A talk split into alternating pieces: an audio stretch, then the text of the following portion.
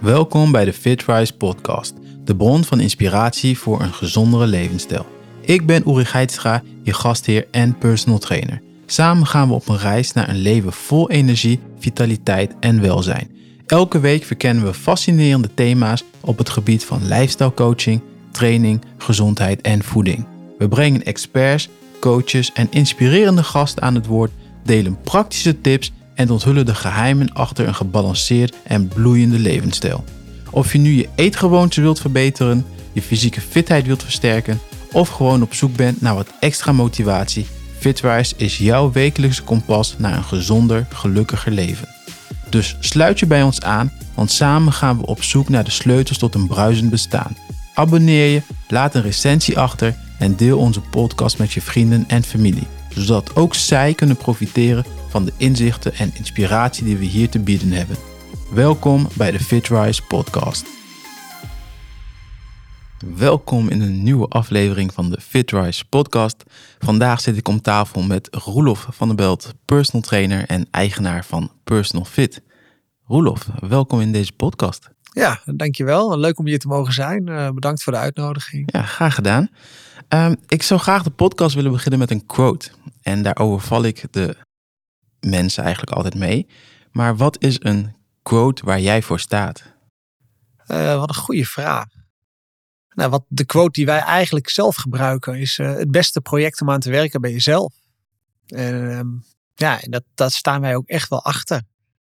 We zijn vaak heel druk met allerlei mensen om ons heen en, en ja, dierbaren en buren en uh, heel druk met van alles en iedereen. En we vergeten vaak onszelf. En ja, ik vind ook wel echt wel dat eh, als je aan jezelf werkt, ja, dat is uh, eigenlijk het allerbelangrijkste. En daarna kun je eigenlijk pas goed voor anderen zorgen.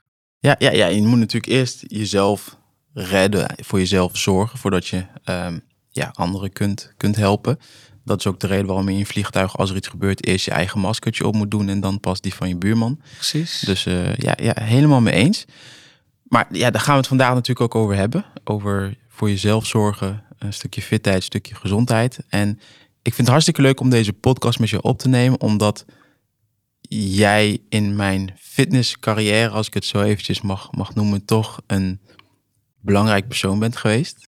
Ja, dankjewel. Leuk om te horen. Ja. ja, ja, jij bent degene die mij als stagiair de kans heeft gegeven om te laten zien wat ik, wat ik waard was.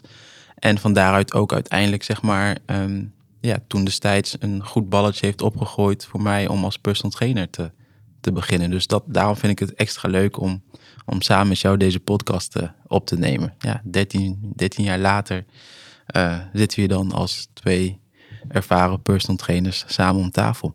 Ja, ja. Um, laten we meteen kickstarten. Personal training. We zijn alle twee personal trainers. Uh, er zijn heel veel personal trainers in Nederland. Ieder personal trainer doet het anders. Wat is jouw visie omtrent personal training? Wat is voor jou een personal trainer? Nou, als ik wil beginnen, dan wil ik graag beginnen over het, het beeld wat mensen vaak van een personal trainer hebben. En dan, dan en hebben de meeste mensen vaak nog het idee dat je naar een personal trainer gaat om afgebeeld te worden. Om uh, zwaar te trainen en om uh, echt altijd het maximaal uit jezelf te halen. En ja, in mijn optiek is dat zeker niet waar. Um, als personal trainer, vooral de personal trainers die bij ons werken, die kijken iedere dag opnieuw naar iemand zijn belastbaarheid. Naar hoe iemand geslapen heeft die dag ervoor. Hoe de week geweest is daarvoor. En als iemand uh, ja, minder goed geslapen heeft, minder fit is. Uh, je, training moet je daarop aanpassen. En een hele goede personal trainer, die past zijn training aan uh, op, de, op, op het moment. Dus op de, de, de vorm van de dag van de, van de cliënt. Um, ja, en dat is eigenlijk het allerbelangrijkste. Kijk, bij fitness is het, uh, het is heel, eigenlijk is fitness heel moeilijk.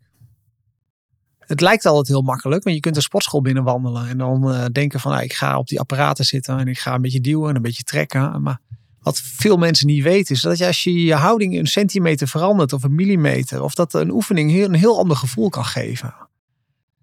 Uh, jarenlang was personal training niet, nou, niet echt of geoorloofd. Het is niet geoorloofd, maar uh, werd er een beetje raar naar gekeken. Maar het was wel heel normaal als je een golftrainer had of een tennistrainer. Terwijl met fitness heb je duizenden oefeningen. En met golf of met tennis heb je drie, vier, uh, drie, vier slagen. Bij, bij golf eigenlijk maar eentje. Maar dat is natuurlijk ook niet waar. Maar wat meerdere. Maar bij fitness heel veel.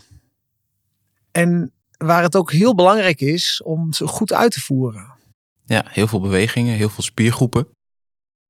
Ja, en het belangrijkste eigenlijk daarin is nog van, van mensen eigen is, is eigenlijk om pijn te vermijden. Dat is uh, eigenlijk onze prioriteit. Het vermijden van pijn. Maar bij fitnessoefeningen wil je eigenlijk je pijn opzoeken. En dan wil je uh, de oefening zo efficiënt mogelijk uitvoeren. En als je dan denkt van hé, hey, als ik ietsje een centimeter naar voren leun, voel ik het beter. Dan moet je dat eigenlijk doen. Maar mens eigen is om dan juist een centimeter terug te bewegen. Want dan kan je vijf extra herhalingen pakken. Of je kan 10 kilo extra gebruiken. Uh, en ik vind dat een goede personal trainer, die, die is echt gefocust op van oké, nee, je moet echt een centimetertje naar voren leunen met je knie. Om daar die pijn beter te voelen. Ja, ja. Ik, ik leg eigenlijk altijd zo uit dat het lichaam is heel efficiënt. Het lichaam probeert de beweging uit te voeren op een manier waarop het hem het minst energie kost. Ja. Maar dat is inderdaad voor trainen en voor de spierprikkel is dat niet het meest efficiënt. Want wij willen juist optimale spierspanning opbouwen. We willen juist de optimale spierprikkel creëren. En dan moet je inderdaad, zoals jij zegt, die pijngrens opzoeken. En niet naar hoe kan ik die beweging het makkelijkste uh, uitvoeren met het verspillen van het minst energie. Ja, dus heel mooi uitgelegd. Ja, dus daar kan ik me helemaal in, in, in vinden inderdaad. Ja, klopt. Ja. wat ik ook heel mooi vind is dat je zegt dat we constant kijken naar wie heb ik tegenover me? wat is de staat vandaag van die persoon? Nou, ik herken, ik herken dat natuurlijk heel erg. Is, ik maak soms hele trainingen voor, voor iemand, helemaal tot in de details uitgewerkt. En dan zie ik die persoon binnenlopen en dan weet ik meteen wat ik heb voorbereid, Ulrich. Dat was voor niks. We gaan iets anders doen vandaag. Tenminste, op het moment dat, dat iemand wat langer bij mij traint, dan op het moment dat hij binnenkomt, dat hij zijn warming-up doet aan de hand van hoe hij dan van de roeien afstapt of van een ander uh, cardio-toestel, dan weet ik hoe laat het vandaag is. Dan weet ik, diegene heeft het heel druk gehad vandaag, diegene is heel gestrest, diegene is heel moe. Ja, en daar moet de training op, op, op aangepast worden. Dus ja, daar herken ik mezelf echt compleet, compleet in. Het is gewoon echt maatwerk. Kijk gewoon naar wie hebben we tegenover ons en waar is diegene vandaag toe in staat en hoe kunnen we vandaag het beste eruit halen wat, wat, wat erin zit. En ook wat je zei over dat mensen denken dat vaak dat personal trainers um, brulapen zijn of gewoon drillinstructeurs. Ik heb dat zelf heel erg, omdat ik natuurlijk een militaire achtergrond heb. Dus mensen denken heel erg van ja, die gaat mij een beetje als een, uh, een, een, ja, zo'n drillinstructeur naast me staan schreeuwen en uh, allemaal oefeningen doen tot, uh, tot kots naartoe. Maar dat, ja, dat is helemaal niet, niet het geval. Het is gewoon echt heel, ja, we kijken gewoon naar wie hebben we tegenover ons en hoe kunnen we jou vandaag um, ja, beter maken. Ja, en dat is denk ik ook meteen een mooie brug naar, wij zijn alle twee heel erg functioneel aangelegd. Kun je daar iets meer over vertellen, over functional training? Want dat is wel een van de meeste, uh, ja niet meeste, maar wel een techniek, denk ik. De manier van trainen die, die, die, bij jullie ook heel erg van toepassing is. Ja, nee, absoluut. Um, uh, functional trainen. Ja, het belangrijkste daarbij is eigenlijk, vind ik, dat, um, dat het bij de oefeningen die, die je mensen laat uitvoeren, dat er, dat heel veel spieren met elkaar moeten samenwerken. Kijk, weet je, als je op een stoeltje gaat zitten met je rug tegen een leuning en dan je armpjes naar voren gaat duwen, een chest press even om het zo te noemen. Ja, dan word je misschien heel sterk van in je armen, je schouders en je borstspieren. Maar kijk, als jij in het dagelijks leven op eh, vakantie gaat en je hebt een caravan en die moet je op zijn plek duwen, dan komen je benen daar ook bij. Je buikspieren en je rugspieren moeten daarbij actief zijn. Als je zo'n caravan op zijn plek moet duwen. En dat is echt de functionele kracht zoals je dat bij functional trainen eigenlijk meer, meer traint. Dat als je dan je borstspieren wil trainen, je armen en je schouders, dan heb je een oefening waarbij ook je buikspieren actief zijn, je rugspieren en nog een stukje beenspieren. Um, in, in mijn optiek is dat echt functioneel trainen. Dus dan ga je verder dan uh, op een apparaatje zitten. Dan ga je de oefeningen zo aanpassen en zo veranderen, zodat er meerdere spieren actief zijn. En het liefst eigenlijk uh, ja, zo'n zo kruis in je lichaam dat je van je linkerarm naar je rechterbeen, uh, als je daar in je kruis traint, en twee keer zo'n kruis. ook als je in de bouwwereld uh, kijkt, als je zo'n kruis maakt in een, in, een, in, een, in een stellage, dat geeft soms, soms stellagekracht. Als je een boekenkast zonder kruis op de achterkant maakt, met alleen maar de, de buitenkantjes. Dan wiebelt heel erg. Ja, dan flikkert het zo een keer om. Dus het is, ehm, ja, de, de, functional trainen is voor mij echt, eh, echt de, stabiliteit, de kracht te creëren. Om, om spieren te laten samenwerken en een sterke basis te creëren. En, en los daarvan uh, vind ik het zelf ook altijd belangrijk is. We hebben natuurlijk, uh, vaak denken we bij personal training alleen een krachttraining. Nou, fitness. En echt oldschool fitness. Maar in mijn optiek is fitness veel meer dan dat. Want je hebt natuurlijk kracht, je hebt conditie, je hebt balans, je hebt coördinatie, je hebt lenigheid. En als je al die facetten meepakt, ben je ook heel functioneel. soms hebben wij ook wel eens klanten die bij ons binnenkomen en die hebben als doel om, om hun kracht te trainen. Maar als ze dan binnenkomen, dan zie je van ja, eigenlijk is jullie mobiliteit, jullie lenigheid, laat echt zwaar te wensen over. En dan is het veel functioneler om op dat moment eigenlijk die lenigheid eerst aan te pakken en die mobiliteit te verbeteren. En dat kan soms ook samengaan met lichte krachtoefeningen. Dus het hoeft niet los van elkaar te staan. Maar als, als goede personal trainer zie je ook die verschillen. En van uh, iemand heeft veel meer nu dit nodig in plaats van datgene wat hij eigenlijk zelf verwacht. En dat is ook daarin kom ik even weer terug op het feit van uh, ja, dat het moeilijk is uh, om, om jezelf eigenlijk te trainen. Want we vinden het niet leuk om dingen te trainen waar we eigenlijk nog niet sterk in zijn. Ik geef zelf ook yoga bijvoorbeeld. En wat mij dan eigenlijk een beetje irriteert is dat alle mensen die yoga het hardste nodig hebben, het niet doen. Die willen het niet. Die zeggen ja, maar daar ben ik veel te stijf voor. En ja, dat kan ik dan soms zo zonde vinden, zo irritant vinden. Dat ik denk van ja, maar eigenlijk zou ik graag voor jullie het liefste yoga willen geven. Voor al die mensen die, die het niet doen, omdat ze die confrontatie niet aangaan en niet aan willen. En dan krijg je allemaal hele lenige, lenige mensen in je yogales. Ja, dat is hartstikke leuk. Maar daar kun je weinig mee bereiken. Want die hebben al heel veel bereikt. Die zouden misschien beter juist wat krachttraining wat conditietraining kunnen doen. ja, dus daarin zie je in het dagelijks leven ook gewoon heel erg ja, dat het moeilijk is om, om je, ja, ik, praat er dan negatief over, maar om je tekortkomingen eigenlijk um, ja, aan te pakken. En dat vinden we het moeilijkste. En daarom is een personal trainer ook wel weer ontzettend uh, makkelijk. ja, het is natuurlijk heel, heel veelzijdig, hè, een personal trainer. Eén natuurlijk, we gaan altijd vanuit en de basis is toch een beetje de stok achter de deur. En je hebt de afspraak staan, dus je, je doet wat je moet doen en je komt op dagen. Maar een goede personal trainer is juist inderdaad, zoals je zegt, kijkt echt naar wat heb jij nu nodig. Ik zeg ook altijd, mensen komen met een bepaalde doel bij mij binnen. Dat hou ik in mijn achterhoofd. Maar mijn uitgangspunt is om jou beter te maken. En dat in het breedste zin, ik weet niet hoe je het zegt, maar gewoon in alle facetten. Zoals jij dat nu net uh, ook benoemt. Dus iemand die binnenkomt en zegt van ja, ik wil 10 kilo afvallen. Oké, dat is één ding. Je bent misschien iets te zwaar en we gaan voor om die 10 kilo kwijt te raken. Maar ik wil ook dat jij over 10 jaar met je kleinkinderen gewoon kunt spelen. Dus op het moment dat jij binnenkomt en jij kunt, ik zeg iets heel simpels, jij kunt niet hurken. Nou, jij kwam voor die 10 kilo, maar ik ga jou toch leren hurken. Omdat ik vind dat je dat zou moeten kunnen wij gaan er weer voor zorgen dat jij weer hetgene kan doen waar jouw lichaam voor gemaakt is in eerste instantie. En een stukje balans, uh, coördinatie, conditie, kracht, dus al die facetten, ja, daar, daar, daar zullen we naar, naar gaan kijken.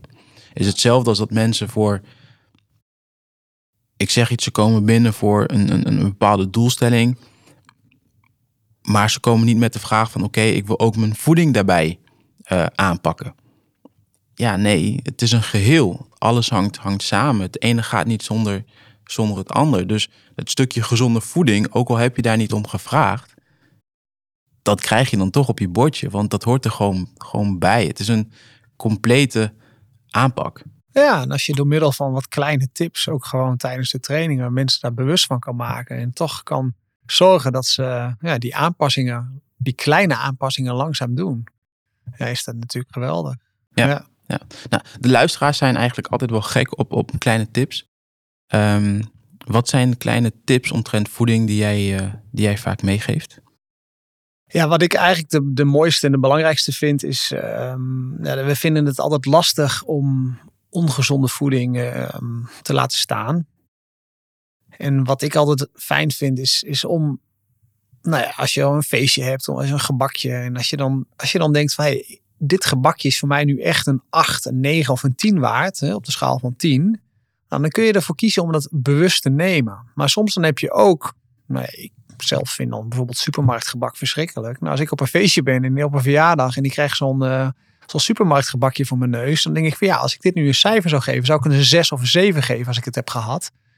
En dan denk ik, ja, dan zijn het mij die 400, 500 calorieën echt niet waard. Terwijl op het moment dat iemand het zelf gebakken heeft, of het echt, uh, echt van, een, uh, van een goede warme bakker komt of zo, ja, dan denk ik, ja, dan, dan, dan neem ik het soms wel. Omdat ik het, uh, het echt waard vind dan. En we eten te veel, naar mijn idee, waarvan je denkt, ja, ik eet het nu, maar eigenlijk is het mij de calorieën niet waard. En onbewust. Dus als we daar bewust over na gaan denken en bewust nou ja, dingen een cijfer gaan geven van wat je eet.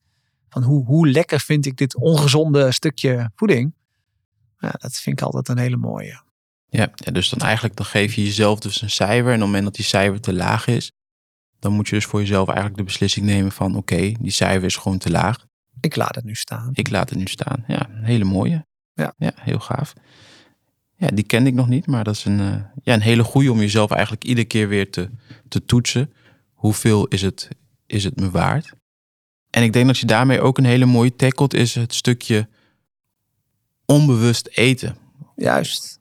Inderdaad, als je op een verjaardag bent en er staat een schaaltje met chips en je eet dan, je pakt er eentje, dan ga je automatisch door.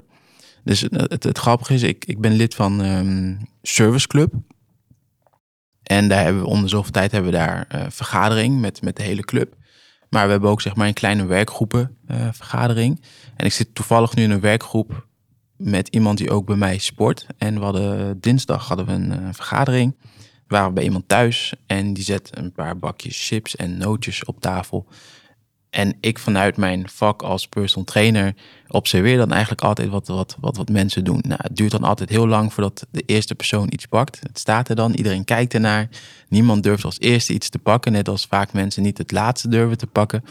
En op het moment dat één iemand begint, nou oké, nou, oké, het is nu veilig, ik kan dus ook pakken. En dan zie je ze pakken. En het grappige is dat als ze er eenmaal aan begonnen zijn met z'n allen, dan gaat het gewoon, dan is het alsof het automatisch is. Zodra ik klaar ben, zodra ik doorgeslikt heb, hup, tien tellen en dan pak ik weer. En als je dat observeert, dan zit daar echt een, een ritme in. Alsof jouw lichaam dan zegt, oké, nu pakken. Oké, hup, dus weer zoveel tijd voorbij, nu pakken. En twee dagen later hadden wij dus een training staan. En toen sprak ik hem erop aan. Met van, oké, ik wil natuurlijk ook niet, want we zien elkaar natuurlijk ook in privé. Dus ik ga niet de, de sheriff uit, uitlopen hangen. Maar in principe eigenlijk een beetje wat zoals jij het ook zegt. Maar mijn vraag was echt van oké, maar in hoeverre had je het echt daadwerkelijk nodig? Oké, het is een goedkoop supermarkt chipje, zoals jij dat zegt inderdaad. Het is gewoon ja, random chips. In hoeverre had je echt daadwerkelijk dat stukje chips nodig? In hoeverre, wat voegt het toe? Nou, en, dan ontstaat een hele discussie over ja, niks eigenlijk. En um, klopt. En ik zeg, ben je bewust van het feit van op het moment dat je eraan begonnen bent, dat het dan tien keer moeilijker is om ervan af te blijven. Dat het eigenlijk makkelijker is om niet te pakken dan eraan te beginnen en dan zeggen van oké, ik neem twee, drie chipjes en dan stop ik. Dat werkt gewoon niet. Het is makkelijker om dan gewoon te zeggen van nee, ik laat het staan. En ik denk op de manier hoe jij het beschrijft van goh, oké, er staat een chipje. Hoeveel is een chipje waard? Hmm, een vijfje. Hmm, oké, dan laten we hem staan. Ja. ja, dat je op die manier jezelf heel mooi kunt, um, ja, kunt, kunt, kunt, kunt corrigeren. Ja. ja, ja, absoluut. En wat eigenlijk, uh, nou, wat jij heel mooi zegt, is, is, je kunt er niet meer mee stoppen. En dat komt ook omdat die, die, die, die producten zijn ook gemaakt om, om, om niet te stoppen. He, ze weten precies, bijvoorbeeld met zoute snacks, precies hoeveel zout ze moeten gebruiken. En, en hoeveel vet ze moeten gebruiken. En nou ja, dan worden er additieven aan toegevoegd die het ook nog eens expres verslavend maken. Dus ja, precies wat jij zegt. Als je er eentje pakt, en dan kun je niet meer stoppen. Kun je niet meer stoppen. En hetzelfde is ook met het, het zoete, de zoetigheid. Die, die, ze weten precies, die fabrikanten, welke samenstellingen ze moeten gebruiken. Welke additieven ze moeten toevoegen. Om ervoor te zorgen dat we nou ja, niet meer kunnen stoppen met eten als die zak één keer open is. Of, of, ja, daar zijn ze heel goed in. Het grappige is, ik heb een stagiair op het moment. En die, volgt een, die doet een lifestyle coachopleiding. En heel erg gericht omtrent, omtrent voeding. Um, hij is dan ook zeg maar in die opleiding is hij uiteindelijk straks ook voedingsdeskundige. En hij is ook heel goed omtrent voeding. Hij heeft gewoon een hele goede basis al uit zichzelf. En hij is nu zeg maar met etiketleer bezig, als ik het even zo, uh, zo mag noemen. En hij houdt dus presentaties aan klanten om de klanten te leren over het lezen van een etiketten. Nou, het grappige is dat je er dus achter komt dat mensen geen flauw benul hebben hoe ze naar een product moeten kijken, hoe ze moeten kijken naar een etiket. En als je dan zeg maar gewoon random producten uit de supermarkt pakt en achter op de label kijkt, ja, dat is zo een rotzooi wat er eigenlijk in zit. En ik denk ook heel erg dat binnen nu en de komende paar jaar, ja, dat het bommetje ook echt gaat, gaat vallen. En dat die hele voedingindustrie gewoon zo op zijn flikker krijgt. Van, omdat mensen het gewoon zo zat zijn om rotzooi te eten. Maar dat stukje bewustwording moet, ja, dat moet, moet gewoon heel erg komen bij mensen. En ik heb wel een beetje het gevoel dat dat nu steeds meer gebeurt. Dat mensen steeds meer achterkomen van... goh, eigenlijk krijgen we alleen maar rotzooi op ons, uh, op ons bordje gesmeerd. En inderdaad, dit soort dingen, gewoon een product dusdanig samenstellen... dat jij als consument er alleen maar meer, meer en meer van gaat pakken, dat je er echt compleet aan, aan verslaafd uh, raakt. Ja. ja. Ja, dat is wel. Uh, ja, dan wil ik meteen eigenlijk um, inhaken. En dat is denk ik wel een mooi bruggetje, want een mooie manier om daarvan af te komen is watervasten. Ja, nee, ja, zeker. Ja, watervasten. Heel bewust watervasten ben ik door jou gaan doen. Je hebt dat toen het is denk ik twee, drie jaar geleden, heb je me dat eh, heel mooi uitgelegd. Uh, en ook die vergelijking toen met, met het water. Uh, ja, dat krijg je dan. Ja, je koopt een fles water, je kijkt niet achter op de, op de verpakking. Dus water is water, maar ook daar zit dan weer heel, heel veel verschil in. Um, zou jij kort even uit kunnen leggen wat, wat het precies inhoudt, watervast? Uh, ja, watervast is heel makkelijk. Als je gaat watervasten, dan, dan eet je niet en drink je eigenlijk alleen maar water.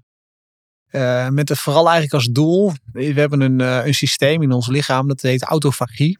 En autofagie is eigenlijk het systeem in ons lijf dat door je zieke oude, oude cellen gebruikt als voeding.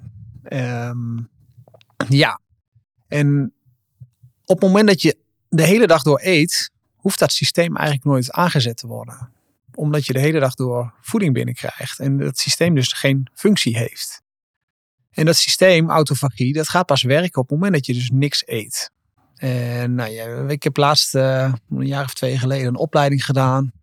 Nou ja, waarin dit dus ook ter sprake kwam. En het, blijkt dus dat dat autofagie-systeem, als je drie dagen water vast, voor 500% zijn werk doet.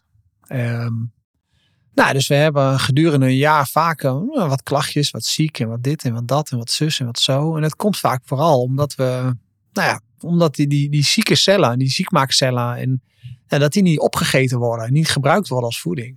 En op het moment dat je drie dagen water vast, hè, en dan drie dagen is om het systeem echt optimaal aan te zetten. En drie dagen is wel een uitdaging voor veel mensen. Dus dat moet, uh, ik zou dat zeker uh, onder begeleiding doen.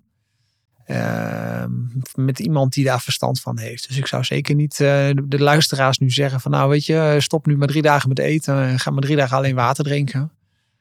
Ehm, maar ik, uh, ja, ik vind dat zeker uh, ontzettend interessant. Ik doe dat zelf twee keer per jaar.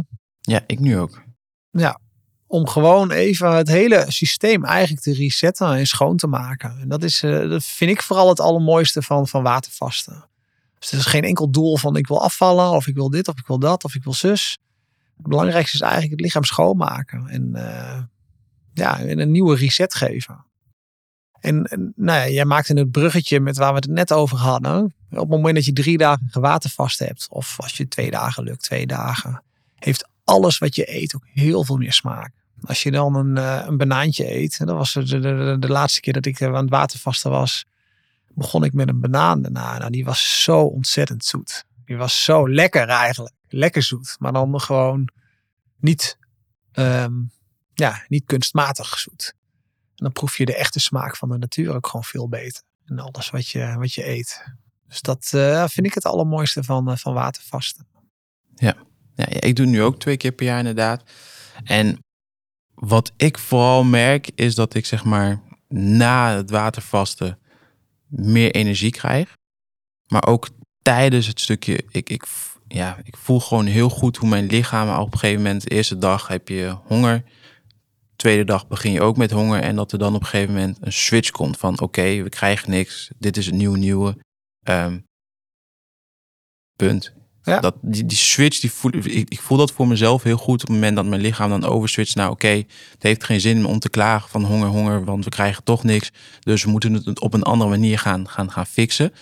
Um, en ik denk dat dat ook het punt is die je wilt bereiken, want dan gebeurt er daadwerkelijk iets in het, in het lichaam, want je lichaam gaat op zoek naar een oplossing. En na die tijd dus meer energie. En ik merk dat ik veel minder vaak ziek ben. Vooral in de winter. Um, ik, ben, ik was vroeger in de winter eigenlijk altijd, ik noemde het altijd chronisch verkouden. Chronisch snotterig. Ik snotterde de, de hele winter uh, door. En daar heb ik nu eigenlijk helemaal, in ieder geval veel minder last van dan voorheen.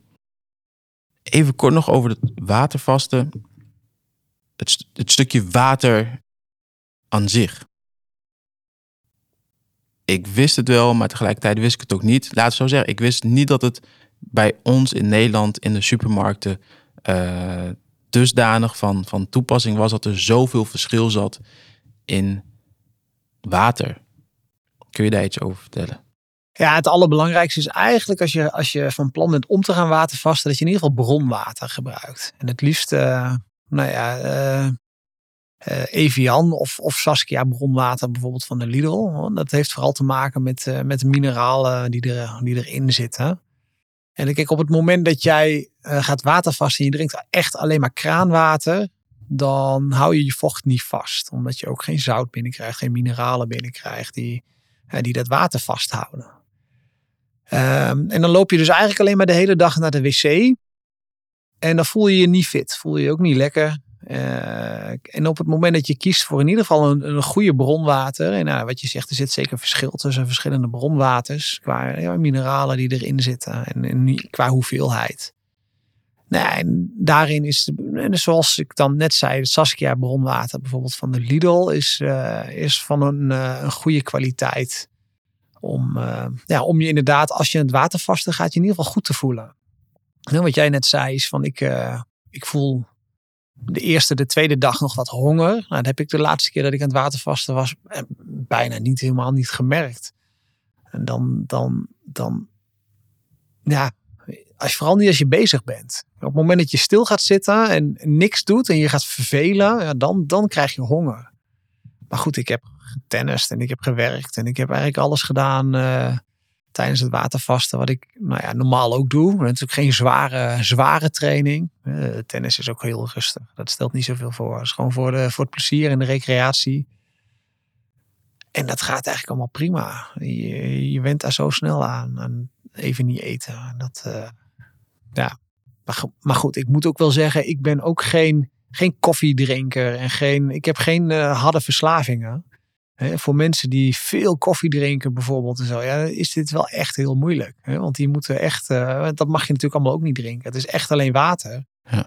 En als je echt een, een, een cafeïneverslaving hebt, dan, ja, dan is het wel echt heel pittig. En dan ga je wel onwenningsverschijnselen voelen, dan krijg je hoofdpijn of, uh, en dan wordt het wel eens vervelender.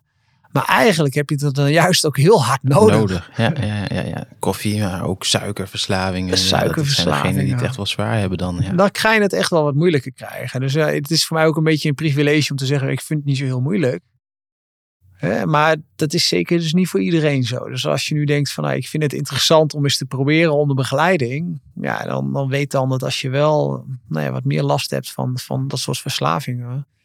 Ja, dat het dan wel een stukje moeilijker gaat worden zeker. Ja. Maar ja, voor de mensen die het willen proberen, ehm, neem contact op met ons of met jou of met mij. En dan kunnen we je er zeker bij helpen.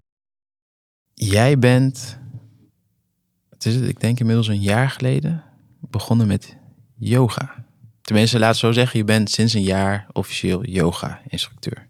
Zeker. Ja. Ja. Ik denk al wel twee jaar geleden. Twee Ja. jaar geleden. Ja. Kijk, nou, tijd vliegt. Hoe bevalt dat? Ja, ja hartstikke goed.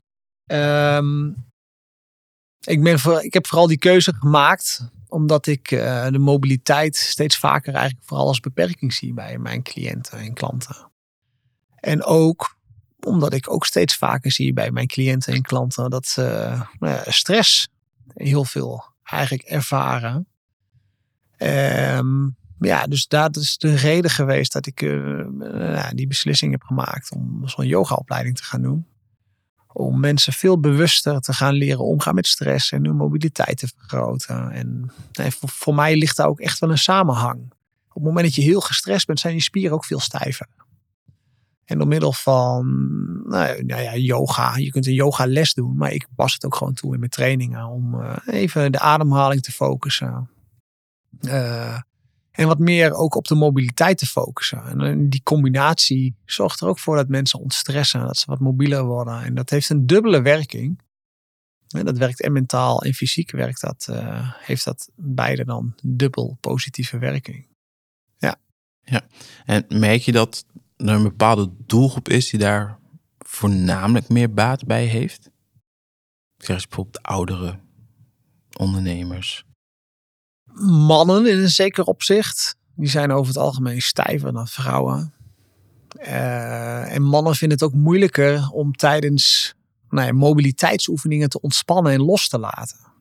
Juist als je een mobiliteitsoefening doet, dan moet je eigenlijk een keer zuchten en uitblazen en, en loslaten. En wat je vaak met mannen ziet, is die willen met kracht, met hun testosteron en met eh, willen ze die arm bijvoorbeeld naar de grond brengen. En dan, eh, dan hoor je ze een beetje trekken. En, maar trekken werkt juist totaal niet. Daar krijg je eigenlijk juist weer stress van.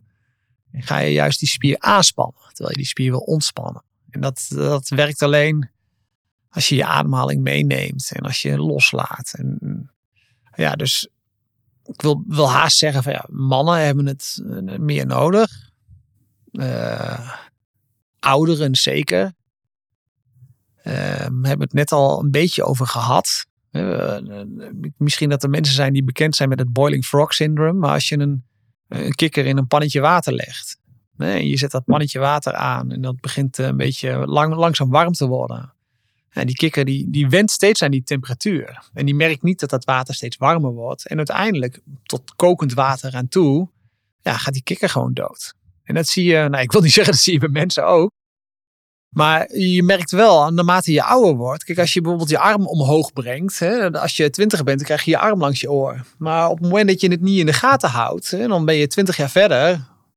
Dan ben je veertig. En dan, dan houdt het op op een gegeven moment nadat je op ooghoogte bent of zo. Hè, bijvoorbeeld. Of als je 60 bent of 70 bent. En mensen hebben dat niet in de gaten. Maar wij zien dat wel.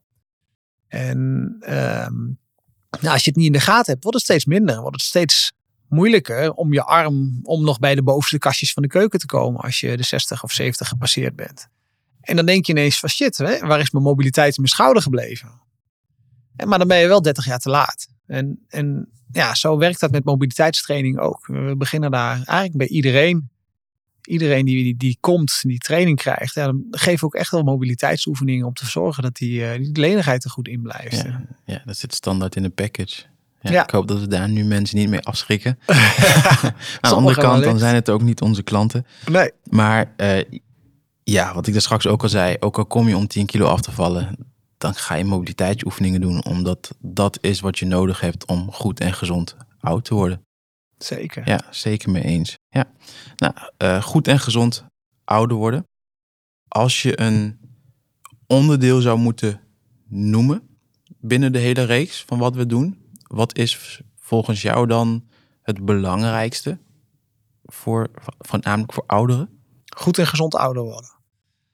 Eh, ja, dan zou ik naar die mobiliteit neigen en naar eh, stabiliteit en balans. Eh, zijn wat mij betreft echt de belangrijkste drie.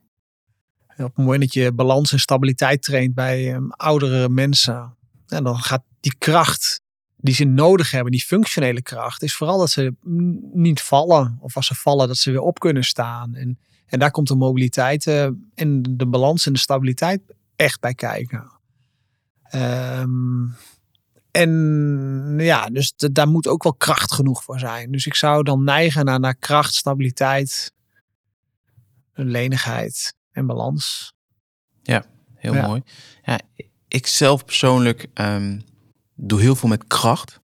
Eén natuurlijk omdat mensen op een gegeven moment een leeftijd hebben behaald waar die spierafbouw heel snel gaat. Dus om te voorkomen dat men te snel spiermassa verliest, of juist bij mensen die goed en vaak genoeg trainen, nog steeds spiermassa uh, op kunnen bouwen. Ik merk gewoon heel erg dat dat heel erg helpt met uh, goed en gezond ouder worden, maar ook gewoon om, om, om fit te blijven als, als, als ouderen. En ik doe heel veel balansoefeningen. Ja. ja mensen op één been zetten, ja. uit balans brengen, ja. Uh, een balletje overgooien, dat soort dingen. En dan merk je dat mensen binnenkomen en dan uiteindelijk in eerste instantie dat niet kunnen. Gewoon op één been staan zonder iets te doen. Dan vallen ze gewoon letterlijk, vallen ze om. En van daaruit steeds beter worden. Uh, dus, dus ja, daar, daar speel ik zelf echt heel veel mee. En ik merk daar gewoon dat mensen daar heel hele goede resultaten eh, bij hebben. Zeker. En op een gegeven moment vind ik het dan ook leuk om dat te combineren. Om dan bijvoorbeeld op één been een, een side race te maken. Ja. En dan pak je je kracht. Een side race is je arm zijwaarts omhoog heffen.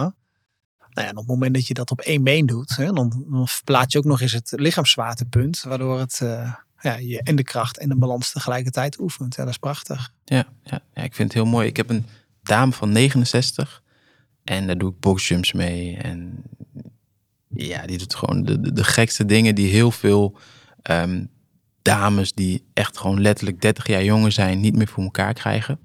Dus zij was al redelijk fit toen ze binnenkwam. Maar door haar motivatie en wilskracht hebben we haar wel naar een nieuw level uh, kunnen tillen.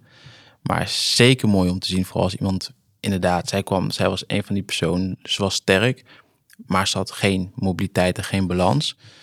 Ze had geen explosieve kracht dus die boxjumps, die, die, dat, dat lukt in het begin, uh, dat lukt in het begin niet. Dus ja, die combinatie van één stukje balans, stukje mobiliteit. Want we zijn begonnen natuurlijk met squat jumps. Nou, de landing van de squat jumps, dat lukte niet omdat ze die balans niet had. Ze kon wel van de grond komen, net ietsjes. Maar bij de landing was het echt uh, heel, heel erg zoeken. En als je dan nu ziet van waar we gestart zijn en naar, naar boxjumps. Ja, dat is echt, echt geweldig om te zien. En dat op die leeftijd. Ja, hartstikke mooi. Wat een mooi vak heb je toch, hè? Ja, jij ook. Ja, dankjewel. ja, geweldig. Um, kun je een paar voorbeelden noemen van, van functionele oefeningen die oudere mensen bijvoorbeeld heel makkelijk thuis zouden kunnen doen? Of de luisteraar aan zijn ouders uit kan laten voeren? Ja, dan neig ik ook echt naar, naar dingetjes op één been toe om het heel makkelijk te, om niet eens een oefening te doen, maar gewoon als je s'morgens je tanden poetst, dan ga je voor de spiegel staan. En als je je ondergebit poetst, dan ga je op je linkerbeen staan. Dan ga je je bovengebit poetsen, dan ga je op je rechterbeen staan. En dan, uh, kijk, uh, een uur trainen is, kost een uur tijd. Maar op het moment dat jij tijdens je dagelijkse bezigheden af en toe eens bewust nadenkt van oké, nu kan ik eens kan ik wat oefenen. Ja, dan is het eigenlijk misschien nog wel het allermooiste. Om gewoon, ja, wat ik zeg, uh, s ochtends eh, op één been te gaan staan en je tanden te poetsen. En zo zijn er heel veel mooie, mooie oefeningen die je gewoon tussendoor eventjes kan doen. Los van dat je echt uh, een uur lang de tijd neemt om ergens naartoe te rijden, te fietsen en daar een, een uur lang de tijd te nemen om te trainen. En dat is eigenlijk het mooiste. Kijk, mijn vader is ondertussen ook 70 geweest. En nou ja, die krijgt wat moeite om uit de stoel te komen. Ja, en dan kan je zeggen, oké, ik ik, ik zet er een rollatortje naast waar hij zich ermee uittrekt. Maar ik zou dan juist zeggen van oké, je krijgt er nu moeite mee. Nou, doe maar eens drie keer per dag. Ga je twintig keer achter elkaar in die stoel zitten en weer staan. Nou ja, dat is dan echt functioneel. Ja. Want iemand wil zo lang mogelijk thuis blijven wonen en zelfstandig zijn. En willen steeds meer mensen zo lang mogelijk. En dan, dan, dan moet je op het moment dat je merkt van hé, hey, ik heb nu eigenlijk iets nodig. Hè, net als verlagen, verhoogde toiletten. Dan denk je, ja, je kunt een verhoogd toilet nemen in je, in je, in je seniorenwoning. Maar als je merkt dat die toilet te laag wordt, kun je ook denken van oké, ik moet zorgen dat ik die mobiliteit en die kracht behoud. Verbeter eigenlijk. Want het behouden is dan niet gebeurd. Omdat het moeilijker wordt, ben je het kwijtgeraakt. Kwijtgeraakt, ja. Ja, dan zou ik zeggen van ja, dan, dan ga dan op die toilet zitten en ga weer staan. En doe dat twintig keer. En dan uh, twee keer per dag, uh, iedere dag. En dat zijn de mooiste functionele dingen die je kan doen als je merkt dat je beperkingen krijgt. Heel mooi, mooi uitgelegd. Ja. ik had laatst ook uh, twee, twee zussen die, die trainden bij mij. En die zei één ding. Nee, die, zei, die zeiden: uh, eigenlijk moet je met, met, on, met onze ouders gaan trainen. Maar één ding moet je niet doen met mijn moeder. Die moet je nooit op een matje leggen op de rug op de grond. Want ze komt nooit meer omhoog. Ja. Eerst wat ik zou doen. Nou ja, ja, precies. Niet per se het eerste, maar, maar, maar toen dacht ik, ja, hoe mooi zou het zijn dat als, als zo'n dame na, na drie maanden dat wel weer kan. Ja. Kijk, dan kun je ervoor kiezen om te zeggen, ik doe dat niet meer. Ik ga nooit meer op de grond liggen op mijn rug. Maar ja, als je wel thuis woont en je valt een keer in je licht. Kom je niet meer overeind. Ja, wie gaat je helpen als je, als je alleen thuis bent? niemand. Dus ja, en dus na drie maanden kon die vrouw ook gewoon tien keer liggen en weer staan vanaf het matje. En drie keer, twee keer in de week, of drie maanden lang twee keer in de week een uurtje te trainen. En dan is het niet eens heel zwaar, de training. Hè? Want zo iemand, ja, die kun je niet heel zwaar belasten. Maar, maar door te trainen kun je dat wel weer verbeteren. En, en dat is mijn insteek. Van, hè, merk je dat je beperkingen krijgt die geen medische medische reden hebben. Ja, dan kun je er genoegen mee nemen dat je die beperking hebt, maar dan krijg je het nooit weer. Maar je kunt er ook voor kiezen om te denken: hey, ik voel nu, ik merk nu deze beperking, ik ga daarmee aan de slag. En dat is een hele andere insteek. Ja, helemaal mee eens. Ik denk ook echt dat je mensen schrijven zichzelf veel te snel af. Van oké, ik heb een bepaalde leeftijd behaald en dit hoort bij mijn leeftijd.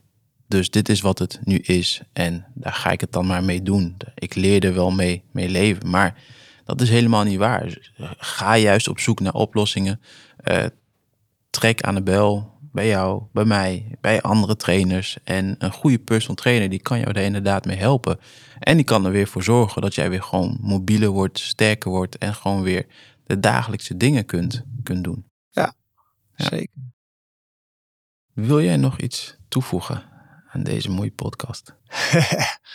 Goh, nou, we hebben denk ik best veel mooie dingen behandeld.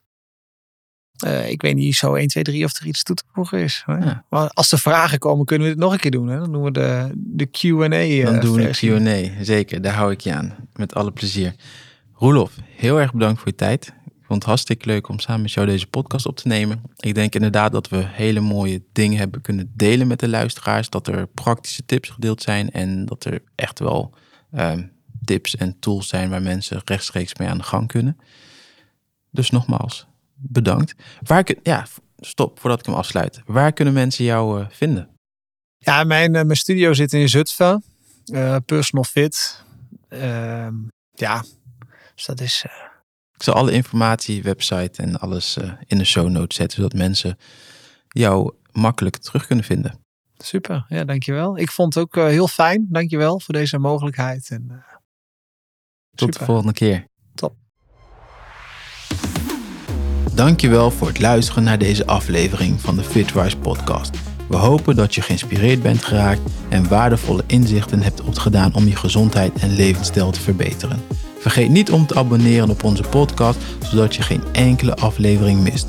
Als je vragen hebt, meer informatie wilt over specifieke onderwerpen of als je feedback hebt die je met ons wilt delen, aarzel dan niet om contact met ons op te nemen via onze social media kanalen of onze website Jouw input is van onschatbare waarde voor ons en zal ons helpen om de podcast te blijven verbeteren. Blijf geïnspireerd, blijf gemotiveerd en blijf werken aan een gezonder en gelukkiger leven. Samen kunnen we onze doelen bereiken en een positieve verandering teweeg brengen. Tot de volgende aflevering van de Fitwise podcast.